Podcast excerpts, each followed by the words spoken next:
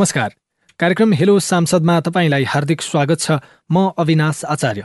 आजको कार्यक्रम हेलो सांसदमा हामी संसद र सरकारलाई मर्यादित सँगै प्रभावकारी बनाउन खेल्नुपर्ने भूमिकाका विषयमा कुराकानी गर्नेछौँ।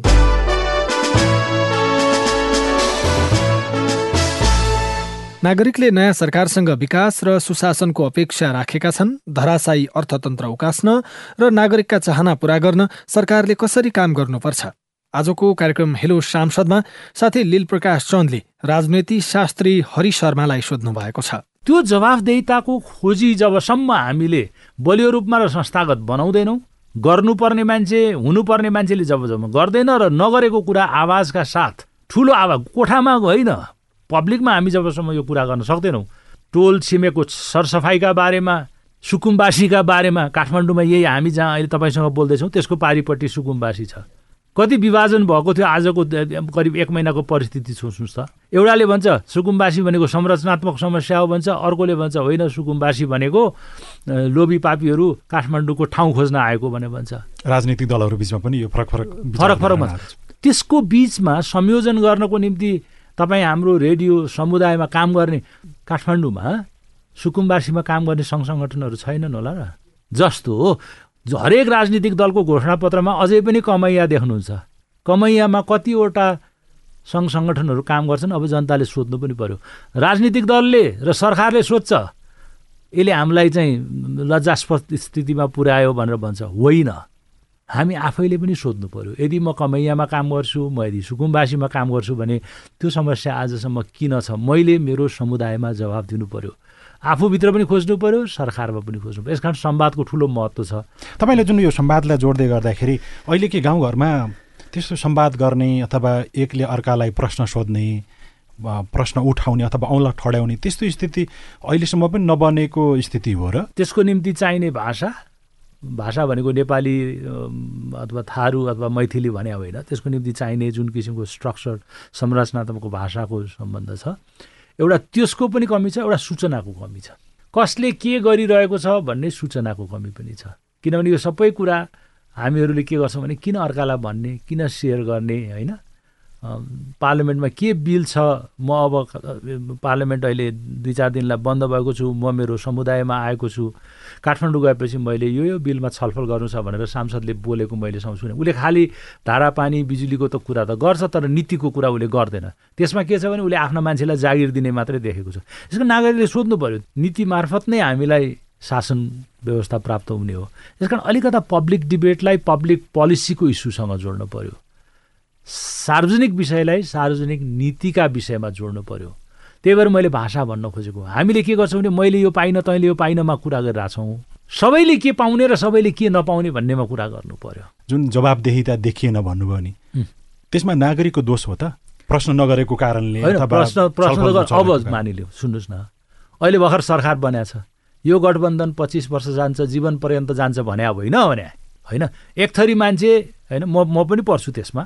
मैले के भनेको थिएँ भने भोलिको पार्लियामेन्टको कम्पोजिसनको नम्बरले दलहरूको काम चुनाव लड्ने हो चुनाव लिएर पार्लियामेन्टमा जाने हो र अर्को महत्त्वपूर्ण पक्ष भनेको दलहरूले सरकार बनाउने जिम्मेवारी हुन्छ भनेको त्यसकारण उनीहरू पार्लियामेन्टमा जाने हो। तर उनीहरू त के गरे? चुनावभन्दा पहिले नै गठबन्धनको नाउँ गरेर तपाईँ हाम्रो चाहिँ कसलाई भोट गर्न पाउने नपाउनेमा त तपाईँको अङ्कुश जस्तो अङ्कुश लाग्यो नि। दुनियाँलाई थाहा छ कि पार्लियामेन्टको अङ्कगणितबाट सरकार बन्नेर भत्किने हुन्छ। संसारभरि नै त्यही हो। तर अङ्कगणितलाई पहिले नै प्रभावित पार्ने कुराको जवाफदेही त खोइ त। बिसौँ वर्ष जान्छ कहीँ जाँदैन भन्ने अनि रातारात मान्छेले चाहे त्यो शेरबहादुरजीले गरेको काम होस् चाहे त्यो प्रचण्डले गरेको काम होस् चाहे ओलीजीले यता र उता गरेको काम होस् त्यसको जवाफदेही त खोज्नु पऱ्यो नि। चुनावको बेलामा भनेको कुरा तपाईँको पन्ध्र दिन टिक्दैन यो देशमा भने। अब हामी बोल्नु परेन भने। तपाईँ त अस्ति आउनुभएको थियो त। यो बिसौँ वर्ष टिक्छ भनेर। हामी त भनेका थियौँ कि गठबन्धन यो हुँदैन भनेर भन्ने मानिसहरू जो छन् उनले त भन्नु पऱ्यो यस कारण के छ भने राजनीतिक दलको मान्छेहरू राजनीतिक दलको सदस्य हुनु पर्थ्यो। कार्यकर्ता र सदस्यमा फरक छ। सदस्यले के गर्छ भने तपाईँको सङ्गठनको सदस्यले प्रश्न गर्छ तपाईँलाई।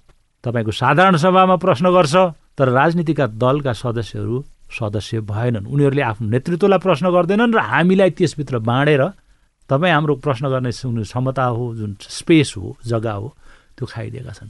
त्यस कारण दलभित्र पनि आजभोलि म सोच्दैछु राजनीतिक दल सदस्यहरूबाट दल बन्छ कि कार्यकर्ताहरूबाट? कार्यकर्ताले त नेतालाई प्रश्न गर्दै गर्दैन नि। हराए पराएको गर्ने मान्छे कार्यकर्ता हो। सदस्य के हो भने उसको अपनत्व हुन्छ। यसकारण एसोसिएसनल लाइफ सुरुदेखि भन्दैछु सार्वजनिक जीवन या सङ्गठनको जीवन जुन हुन्छ कुनै पनि सङ्गठनको जीवन कुनै पनि क्षेत्रमा काम गर्ने सङ्गठन यदि उसको त्यसमा भविष्य छ? त्यसमा उसले प्रश्न गर्छ। तपाईँले राजनीतिक दलहरूले चुनावको बेलामा मागेको भोट र दिएको आश्वासन र अहिले भइराखेको जुन यो एउटा खेल चलिरहेको छ नि त्यसले त्यसलाई सुन्ने हो भने त राजनीति सबभन्दा ठुलो रहेछ भन्ने पनि जस्तो पनि सुनिन्छ। राजनीति तर तर नागरिकमा फेरि यो राजनीतिले सब बिगाएर हामीले केही पाएनौँ हाम्रो जति बिग्रियो भत्कियो सबै राजनीतिक कारणले भने त्यो सोचाइ पनि विकास भयो तपाईँले एकदम आम मानिसको कुरा गर्नु भएको छ। म पनि आम मान्छे हुँ तर के भने पढे लेखेको भएको हुनाले अलिकता जीवन त जीवन र जगतलाई देखेको मान्छेको हैसियतले त्योभन्दा अलिकति माथि उठेर मेरो विश्लेषण छ होइन?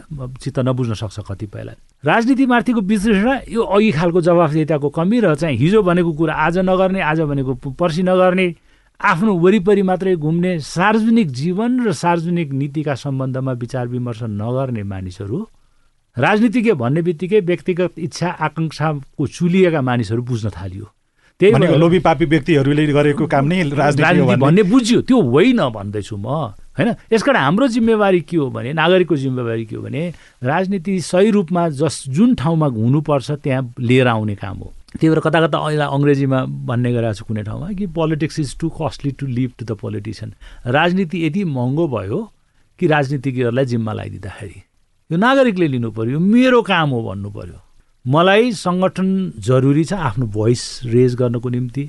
चाहे म प्यारेन्ट टिचर एसोसिएसन अभिभावक विद्यार्थीको सङ्गठन होस् या मेरो समुदायको खानेपानीको सङ्गठन होस् या मेरो समुदायमा फोहोर व्यवस्थापनको सङ्गठन हो यी सबै सङ्गठन लाइफहरू पोलिसिसको लागि कसरी त्यो म्यानेज गर्ने साधन र स्रोतलाई कसरी मिलाउने अधिकतम प्रयोग गर्ने भन्यो भने राष्ट्रिय रूपको साधन र स्रोत प्रयोग गर्नलाई हामीले पार्लियामेन्ट इन्स्टिट्युसनहरू बनाएर पोलिटिकल पार्टी बनाएर यस कारण पोलिटिक्स तल समुदायमा पनि हुन्छ होइन? समुदायको पोलिटिक्स ठिक हुने अनि माथि राज्यको पोलिटिक्स ठिक नहुने हुँदै हुँदैन। अहिले कुनै पनि यस्तो सङ्गठन पाउन अपवाद जस्तो होला कि कुनै राजनीतिक दलको सिद्धान्त अथवा दलको कार्यकर्ताको अग्रसरता अथवा त्यो पथ प्रदर्शनमा चलि नराखेको त्यस्तो सङ्गठन कुनै भेटिन्छ अहिलेको अवस्थामा? तपाईँले एकदम जटिल प्रश्न उठाउनु भयो। कुनै पनि सङ्गठनहरूको राजनीति हुन्छ होइन? त्यो भनेको अर्थ के हो भने दलीय राजनीति होइन।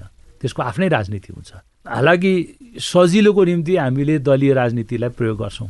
हरेक तबका तहमा सङ्गठनको जीवनहरूमा चाहिँ राजनीतिक दल हावी भएको छ। राजनीति हावी भएको होइन यो छुट्याउनु पर्यो। राजनीति चाहिँ राम्रो दल चाहिँ नराम्रो। नराम्रो। दलहरूको जुन दलीयपन जुन छ नि कि यो मेरो तेरो भन्ने मान्छेले तपाईँहरूले रेडियोहरूमा कति सुन्नुभयो होला नि कुनै मान्छेले बदमासी गर्यो भने अमुक दलको छ भने जोगाउन किन जान्छन् भने भ्रष्टाचार गर्ने मान्छे पक्रिन्छ होइन?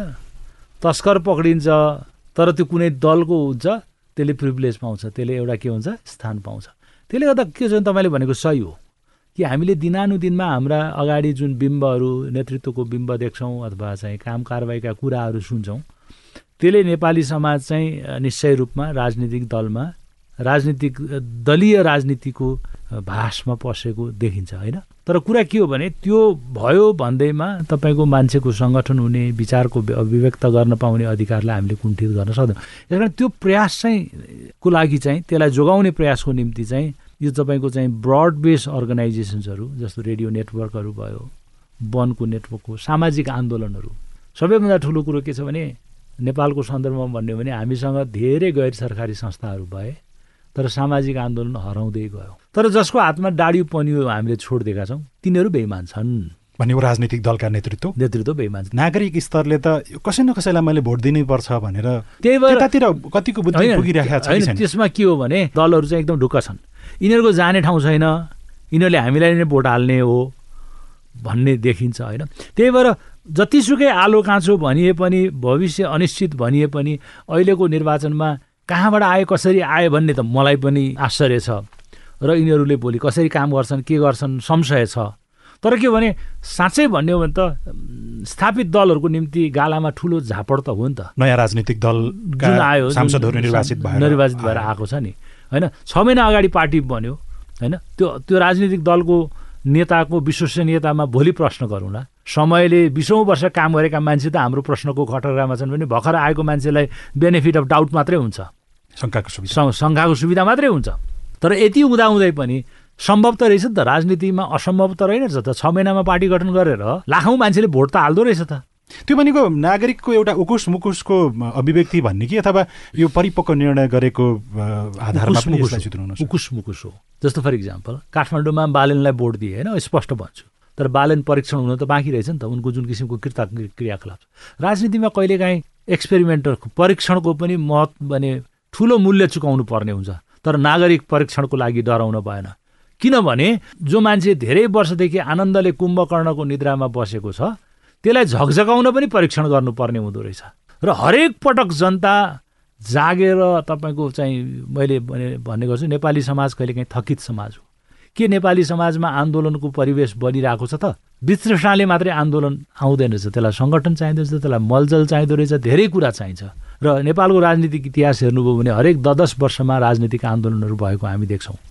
तर अहिले बैसठी त्रिसठी पछि करिब करिब बिसै वर्ष हुन थालिसक्यो। हामी धेरै थाक्यौँ कि जस्तो पनि छ। होइन? सोसाइटी समाज थाक्यो भने त्यसको बडा विडम्बना छ। म आज अलि तितो तितो नभनौँ अलिक दुःख लाग्दो कुरा गर्न मन लागेको के समाज थाक्छ?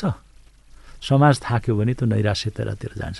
मान्छे थाक्यो मान्छे निराश भयो त्यो त्यो फ्रेज चाहिँ अलिकता राजनीतिक रूपमा राजनीतिक भनेको त ल्याङ्ग्वेजको रूपमा अलिक प्रब्लमेटिक छ। तर बोलीचालीको भाषामा गाउँठाउँमा हामीहरूले प्रयोग गरेकै भाषा हो। जो आए पनि कान चिरेको भन्यो। भनेपछि म के गर्नु? मैले सबैलाई हेरिसकेँ। अब मलाई मतलब छैन। भन्यो भने त सार्वजनिक जीवनको चलायमानता सिद्धिएर जान्छ। सार्वजनिक संस्थाहरू औचित्य समाप्त भएर जान्छ। यस अर्थमा राजनीतिको औचित्य समाप्त भएर जान्छ। अहिले त्यस्तो अवस्था आएको हो र नेपालमा? होइन। त्यो त्यतातिर गइरहेको छौँ कि भन्ने टेन्सन? नयाँ शक्तिको रोजाइ एउटा त्यसको सङ्केतको रूपमा त तपाईँले लिनुहुन्न कि लिनुहुन्छ? कता कता मलाई। लिन्छ। मलाई त्यो लाग्छ। तपाईँ त्यति धेरै चिन्तित अथवा अलि निराशा जस्तो देखिनुको कारण के हो? किनभने कोही व्यक्ति नयाँ आएर उसले नयाँ राम्रै पनि त गर्न सक्छ नि। होइन के छ भने समाज भनेको एकैचोटि फड्को मार्ने मात्रै समाज होइन। समाजको निरन्तरता पनि छ। यो नेपाली समाजलाई आजसम्म बाँधेर राख्ने केही तत्त्वहरू छन् नि। बिहान उठेर निस्केको मान्छे बेलुका घर पुगेपछि न आज गएको मान्छे भोलि फर्किन्छ भन्ने हुन्छ त। त्यो भन्ने अधिकार त नागरिकलाई छ त। तर यसको कारण त फेरि अहिलेसम्म हामीले ज जसलाई भोट दियौँ जुन पार्टीलाई राम्रो पार्टी ठुलो पार्टी यिनीहरूले केही गर्छन् भनेर आशा गऱ्यौँ उनीहरूमाथिको अविश्वास अथवा एउटा निराशाको अभिव्यक्ति हो नि त। त्यो अभिव्यक्ति हो र जवाफदेहिताको खोजी हो। ती सबै मिलेर अहिले फेरि सरकार गठनदेखि सारा कुरा जुन नाटकीय रूपमा जस्तो भइरहेको छ किनभने चुनावभन्दा अगाडि एउटा गठबन्धन थियो। आगामी सरकार राष्ट्रपति कला बनाउने भन्ने भागभण्डाको विषयले पुरै तहस नहस भयो भन्ने कुराहरू अहिले आइरहेको छ। अब यसले कतिको काम गर्न सक्छ र नागरिकको जीवनस्तर अथवा नागरिकले अहिले केही नयाँ भयो भन्ने त्यस्तो महसुस गराउन सक्छ कि सक्दैन यस्तो छ। समयकाल परिस्थितिले जे परिवर्तन सम्भव छ त्यो परिवर्तन गर्ने हो होइन? मलाई अहिलेको जुन किसिमको परिदृश्य मञ्चन हुँदैछ त्यसबाट धेरै ठुलो आशा छैन। भनेको यसले बहुमत पाउँदैन अथवा विश्वासको होइन, मत। लिँदैन यसले तुलनात्मक रूपमा तपाईँ हाम्रो जीवनमा फड्को मार्ने किसिमको काम गर्न सक्छ भन्ने लाग्दैन। चल्छ गभर्मेन्ट बन्छ ट्याक्स उठाउँछ सबै कुरो गर्छ। किनभने त्यसको आफ्नै प्रक्रिया हुन्छ। तपाईँले हामीले नचाहे पनि पाल अब संविधानले भनेको छ दुई वर्ष त यसलाई केही गर्न पाउँदैन भनेर भन्छ। अब के के हुन्छ उनीहरू? खेला गर्लान्। तर नागरिकको फन्डामेन्टल रूपमा तपाईँ बिहान उठेर काममा जाने तर के हुन्छ भने तपाईँको व्या- व्यापार व्यवसाय गर्नलाई तपाईँलाई चाहिने वातावरण तयार हुन्छ कि हुँदैन? तपाईँले स्कुलमा स्कुलको व्यवस्था स्वास्थ्यको व्यवस्थाको मा फन्डामेन्टल केही परिवर्तन आउँछ कि आउँदैन? त्यही भएर मैले सार्वजनिक नीतिको सन्दर्भमा कुरा गरेको छु। पार्लियामेन्टमा सयौँ विधेयकहरू थन्केर बसेको छ। चाँडो गर्ने नाउँमा देखाउने गर्ने नाउँमा तपाईँको नियमित कुराहरूलाई मिचेर अध्यादेशबाट शासन गर्ने प्रवृत्ति बढेर गएको छ। त्यही भएर त तपाईँलाई राष्ट्रपति आफूले भनेको अनुकूलको मान्छे चाहियो त। त्यसले गर्दाखेरि के छ भने एकातिर नयाँ नयाँ भनेको मान्छे फेरि यही पुरानै गठबन्धनमा मिल्न गयो खबरदारी गर्छु भन्छ। होइन एउटा स्वतन्त्र पार्टी। होइन एउटा मन्त्रीले के भन्नुभयो गृहमन्त्री हुनुभएको छ म क्याबिनेटभित्रै प्रतिपक्षको भूमिका गर्छु भन्छ। अब कुन सिस्टम हो अब गर्नु होला। आशा गरौँ केही होला त्यहाँबाट तर मलाई चाहिँ त्यति आश छैन होइन? तपाईँले जस्तो यो सरकारले यो गलत एउटा अभ्यास गर्न सक्छ अथवा यसो नगरिदियो हुन्थ्यो भने लागिराखेको चाहिँ के छ? मनमा केही त्यो एउटा केही न केही तपाईँमा शङ्का भएर नै तपाईँको अभिव्यक्ति सायद यसरी आइराखेको। मलाई के लागिरहेको छ भने सार्वजनिक नीति निर्माणका सन्दर्भमा सुनिश्चितता हुनु पर्यो त्यो भनेको के हो भने पार्लियामेन्टमा कुनै विधेयक जान्छ भने स्वार्थ बाजिनु भएन। धेरै सांसदहरू तपाईँको स्वास्थ्य हस्पिटल चलाउने स्कुल चलाउने अथवा तपाईँको ठेकेदारहरू होइन? जो ठेकेदारको ब्याकग्राउन्डबाट आएको छ उसलाई नै सार्वजनिक निर्माण सम्बन्धी विधेयक बनाउनु दिनुभयो भने के हुन्छ त? यो त यो स्वार्थको द्वन्द्व जुन छ तपाईँको कि तपाईँ कन्फ्लिक्ट अफ इन्ट्रेस्ट जुन भने छ कुनै मुद्दामा परेको मान्छे त्यसलाई अब जनताले त भोट हाल्यो विभिन्न साधन स्रोत ल्या गर्यो पार्टीले भोट उठाइदियो त्यसलाई होइन? ड्यु डिलिजेन्स गरेन भने सबैभन्दा ठुलो मलाई चाहिँ नभइदिने कुरा के लाग्छ भने कुनै पनि नीति निर्माणका सन्दर्भका कुराहरू जसले मेरो जीवनलाई निर्देशित गर्दछ मेरो व्यवसायलाई निर्देशित गर्दछ मेरो सुरक्षालाई निर्देशित गर्दछ त्यस्ता नीति निर्माण हुनेहरू तिनीहरू चाहिँ के हुनु पऱ्यो भने पारदर्शी हुनु पऱ्यो मैले ज मैले कुनै अमुक सांसदलाई भोट हालेर पठाएको मतलब म पाँच वर्ष त्यसको बदुवा मजदुर होइन। त्यहाँ बन्ने सार्वजनिक नीतिका सन्दर्भमा नागरिकको सहभागिता कहाँ हुन्छ त्यसको खोजी छ मलाई। उहाँ हुनुहुन्थ्यो राजनीति शास्त्री हरि शर्मा। साथी लीलप्रकाश चन्दसँग कुराकानी गर्दै। नवनिर्वाचित सांसदहरूले पद तथा गोपनीयताको शपथ लिएसँगै संसदीय गतिविधि सुरु भएका छन्। संसद कानुन बनाउने थलो हो तर सांसदहरू नै संसदीय मर्यादा बाहिर जाँदा त्यसको प्रभावकारितामाथि बेला बेलामा प्रश्न उठ्ने गरेको छ। संसदलाई अझ प्रभावकारी बनाउन के गर्न सकिएला? हामीले संसद सचिवालयका सहप्रवक्ता दशरथ धमलासँग कुराकानी गरेका छौँ। अधिवेशन आह्वान भइसकेको छ।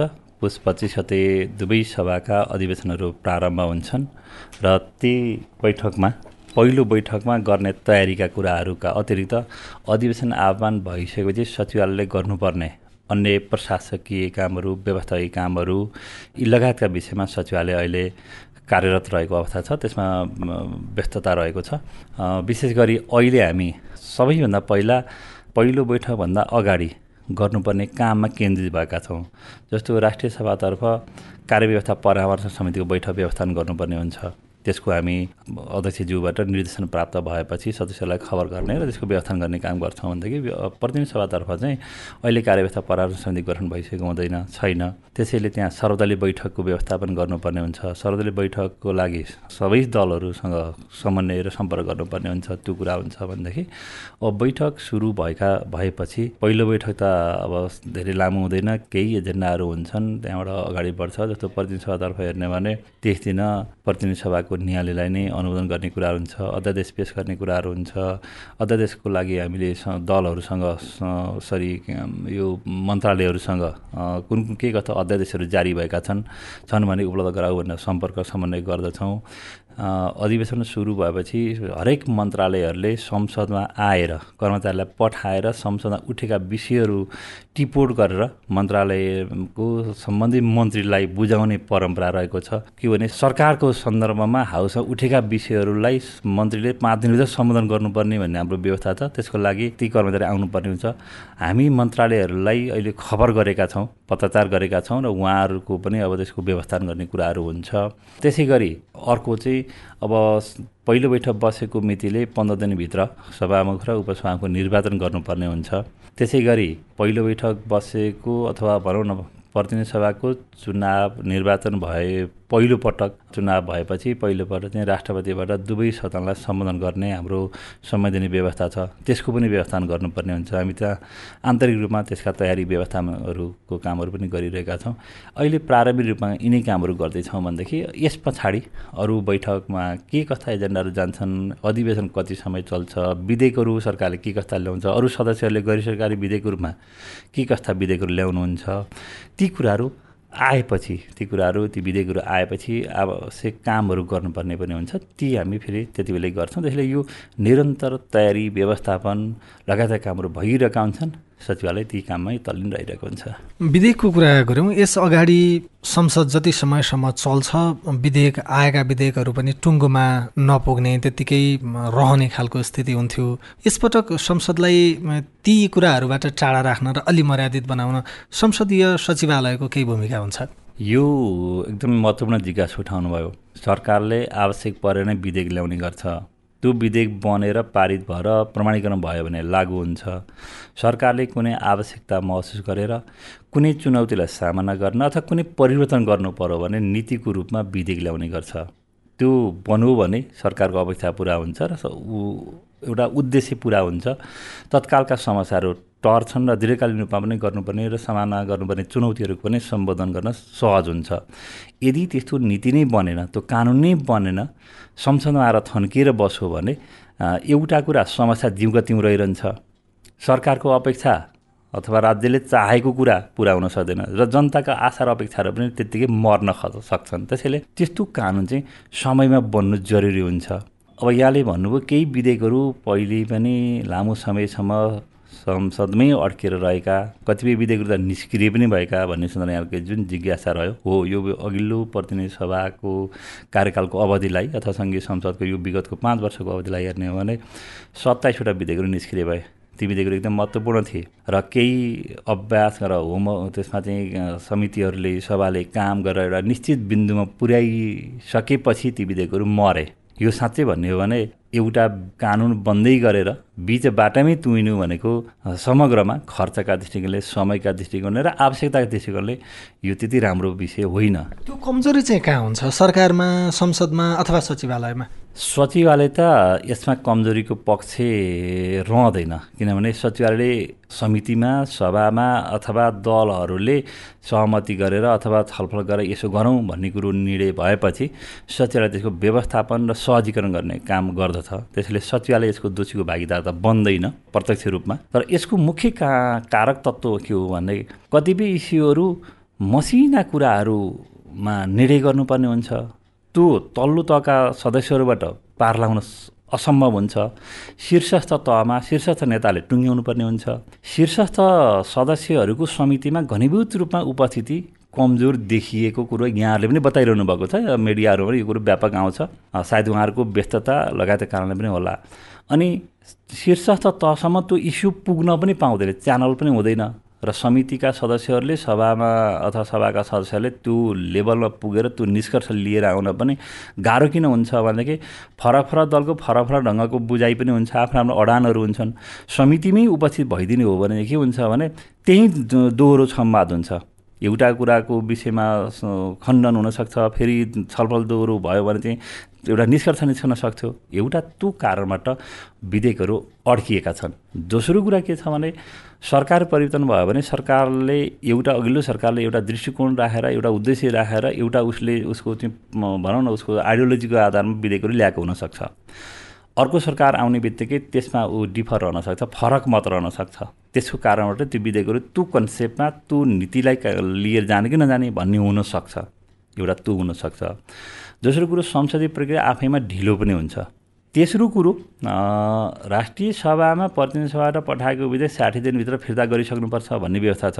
तर राष्ट्रिय सभाले प्रतिनिधि सभा पठाएको विधेयक कति दिनभित्र फिर्ता गरिसक्नुपर्छ भन्ने प्रष्ट व्यवस्था छैन। यसले गर्दा पनि राष्ट्रिय सभाले पठाएका केही महत्त्वपूर्ण विधेयकहरू प्रतिनिधि सभामा लामो समयसम्म पनि अड्केर बसे। यी धेरै कारणहरू छन्। अब यसमा एउटा अर्को पक्ष के हुन्छ भनेदेखि जुन विधेयक सम्बन्धी मन्त्रीले पेस गरेको हुन्छ त्यो विधेयक पेस गर्ने मन्त्रीले आफ्नो विधेयक कहाँ पुगेको छ? त्यो विधेयक मैले कुन उद्देश्यले साथ लगेको थिएँ? संसदमा समितिमा कुरा गर्नुपर्ने हुन्छ कि? सभामुखलाई अथवा अध्यक्षलाई कुरा गर्नुपर्ने हुन्छ कि? अथवा कसरी त्यसलाई थ्रु आउट गर्ने हो भन्ने कुरा त्यो चासोको साथ त्यसलाई हेर्नुपर्ने हुन्छ। मन्त्रीले पनि चासो गरेको देखिँदैन। मिटिङमा समितिका मिटिङमा मन्त्रीलाई पटक पटक ताकेदा ल न हजुर तपाईँको विधेयक यहाँ अड्कियो आइदिनु पऱ्यो भन्दा पनि मन्त्रीले समय उपलब्ध गराउन सक्नुहुन्न।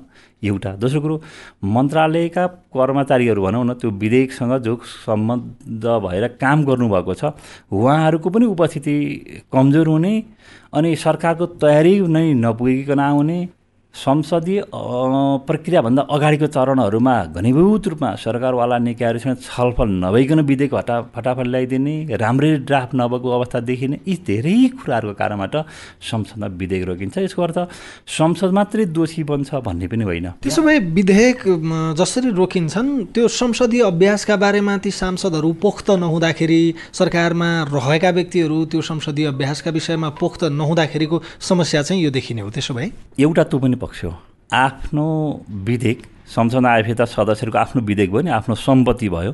यो सम्पत्तिलाई कसरी परिष्कार गर्ने कसरी व्यवस्थित गर्ने र कसरी भोलि दीर्घकाल रूपमा भविष्यपरक कानुन बनाउने भन्ने कुरामा त हरेक विधायकले चासो राख्नुपर्ने हुन्छ।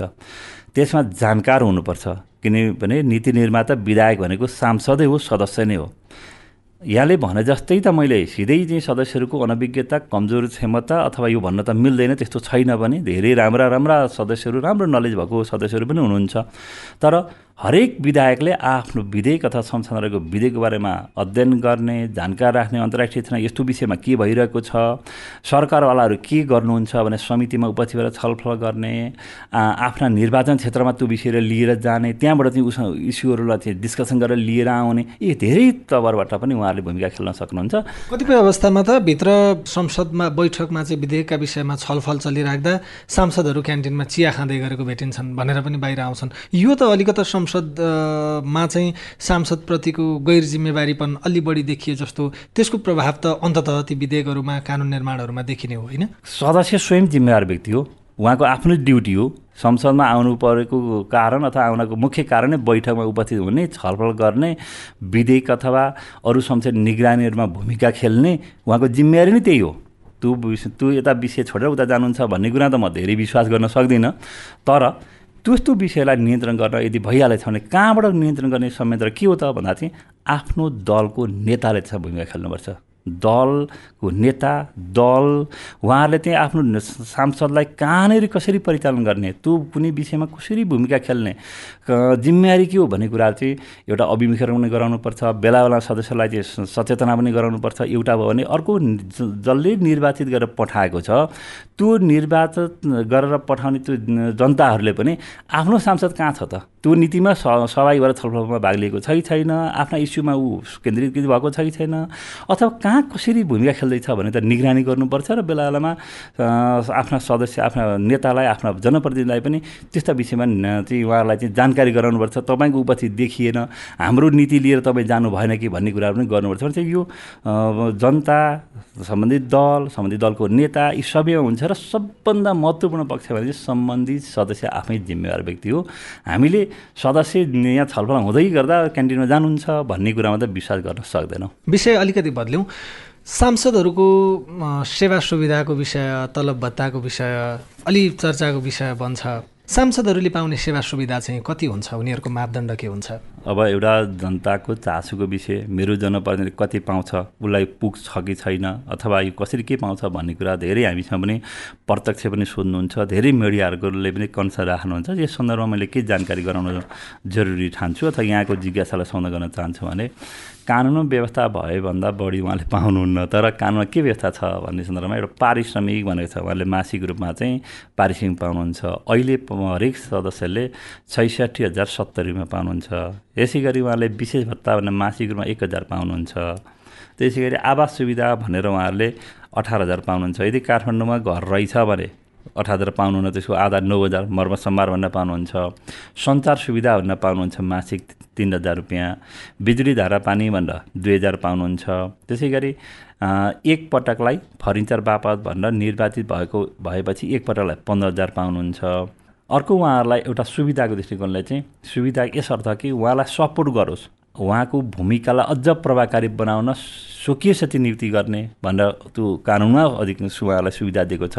त्यो राजपत्राङ्गी तृतीय श्रेणी भनेको शाखा अधिकृत सरको एकजना स्वकीय नियुक्ति गर्न पाउनुहुन्छ। त्यो स्वकीय सचिवको सहयोग लिएर उहाँको आफ्नो क्षमता बढाउने मौकाहरू हुन्छ।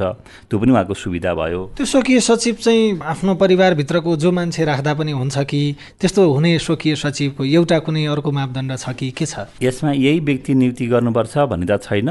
सामान्यतः अहिलेसम्म हेर्दा उहाँलाई विश्वास लागेको पात्र आफूलाई सहयोग गर्ने व्यक्ति उहाँले विश्वास गरेको व्यक्तिलाई नियुक्ति गर्ने अभ्यास छ। कानुनमा यो ऊ भन्ने छैन त्यसैले यसमा फ्लेक्जी छ जस्तो लाग्छ। तर उहाँले त्यो सहयोग लिएको छ कि छैन भन्ने कुरा चाहिँ एउटा अर्को विषय भयो। धेरै सदस्यले सहयोग लिएको पनि देखिन्छ। केही सदस्यहरूले त्यो कहाँबाट सहयोग लिने क मतलब त्यो ऊ किन नियुक्ति गरिएको भन्ने नै विषयमा कन्फ्युजन भएको कि जस्तो पनि देखिन्छ। तर उहाँको भरपुर उपयोग हुनुपर्छ। किन राज्यले दिएको सुविधाको उपयोग भयो भने उहाँको प्रभावकारिता बढ्छ। उहाँको पर्फर्मेन्स बढ्यो भने संसदको प्रभावकारिता बढ्छ।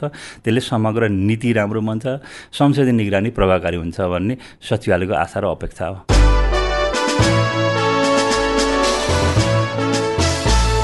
कुराकानीसँगै कार्यक्रम हेलो सांसदको आजको समयावधि सकिनै लागेको छ। कार्यक्रमको आजको अङ्क सुनेपछि तपाईँको मनमा लागेका विचार प्रश्न या कुनै जिज्ञासा भए तपाईँले हामीलाई पठाउन सक्नुहुनेछ।